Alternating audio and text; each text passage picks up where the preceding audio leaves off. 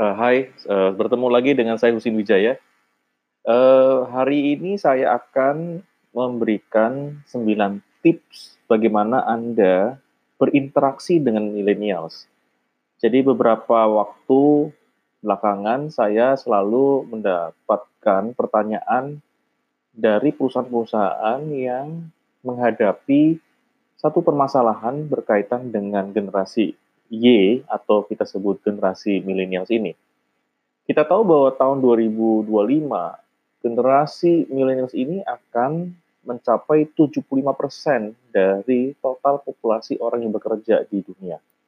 Jadi ini adalah generasi yang emerging, yang sangat penting bagi dunia kerja hari ini. Tentunya kita perlu tahu bagaimana caranya berinteraksi dengan mereka, bagaimana kemudian e, bekerja sama dengan rekan-rekan milenials.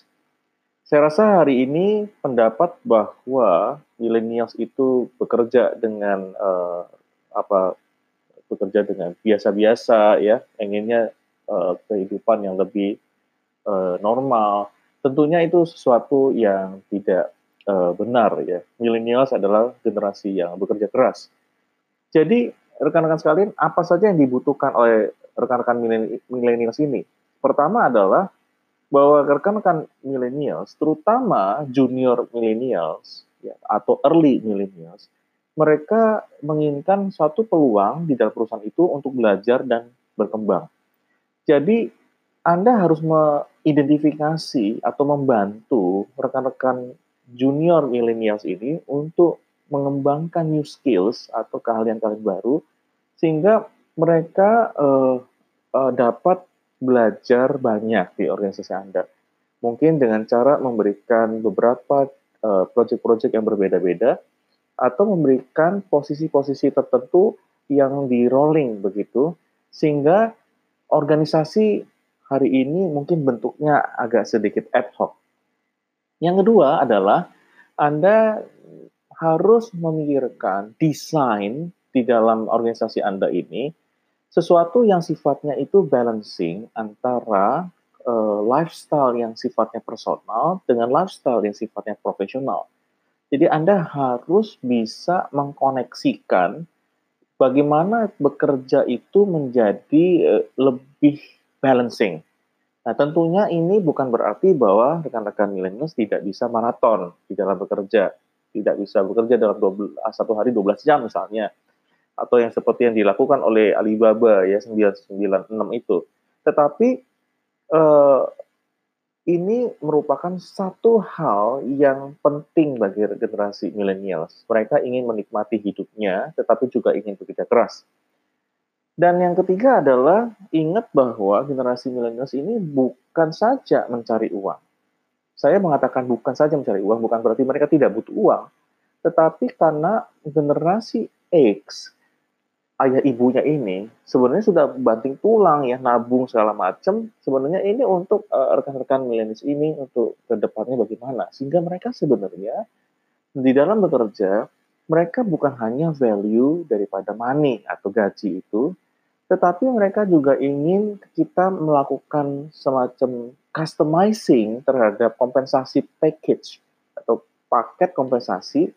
Misalnya contoh adalah misalnya uh, dia per hari libur lebih ba lebih banyak atau misalnya flexible hours atau misalnya bekerja di luar kantor atau misalnya mereka bisa uh, mendapatkan pekerjaan-pekerjaan dengan orang-orang yang mereka anggap interesting di dalam organisasi.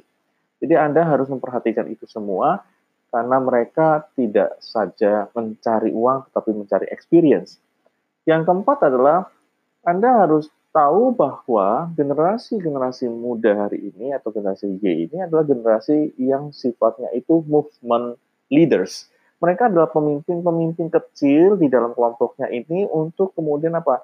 mencari ya eh, kegiatan-kegiatan yang sifatnya itu actualizationsnya tinggi.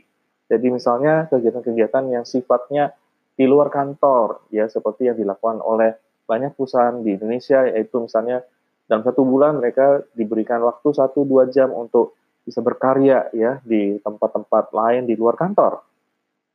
Dan yang kelima adalah perilaku daripada generasi X atau generasi baby boomers yang masih ada di organisasi dan hari ini menjadi pemimpin daripada generasi Y tidak boleh bersifat sebagai bos. Anda harus punya mental sebagai mentors. Jadi Anda harus bisa di approach. Anda harus bisa memberikan encouraging, ya, mendorong motivasi. Dan Anda harus bisa mengguide mereka.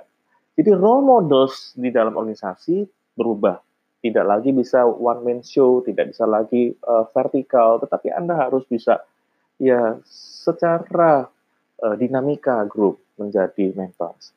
Yang keenam adalah perusahaan hari ini harus menyadari bahwa company culture itu dibentuk oleh baby boomers dan generasi X yang bekerja keras, yang memikirkan uh, hal-hal sifatnya uh, barangkali masa kini, masa depan.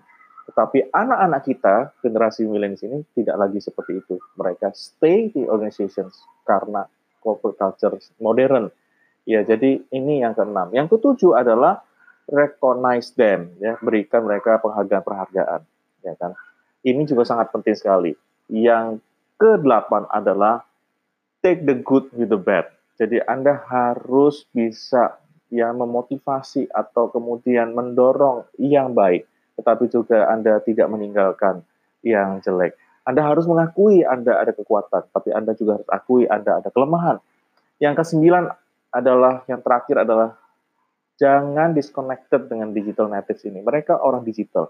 Nah, kita tahu bahwa kebutuhan internet menjadi suatu kewajiban di dalam organisasi. Anda harus sediakan tempat-tempat internet wifi yang baik dengan kondisi yang baik. Anda tidak bisa menghindari itu. Terima kasih. Sampai jumpa lagi bersama saya Husin Wijaya. Uh, nantikan uh, berbagai tips berikut berikutnya bersama saya di podcast ini.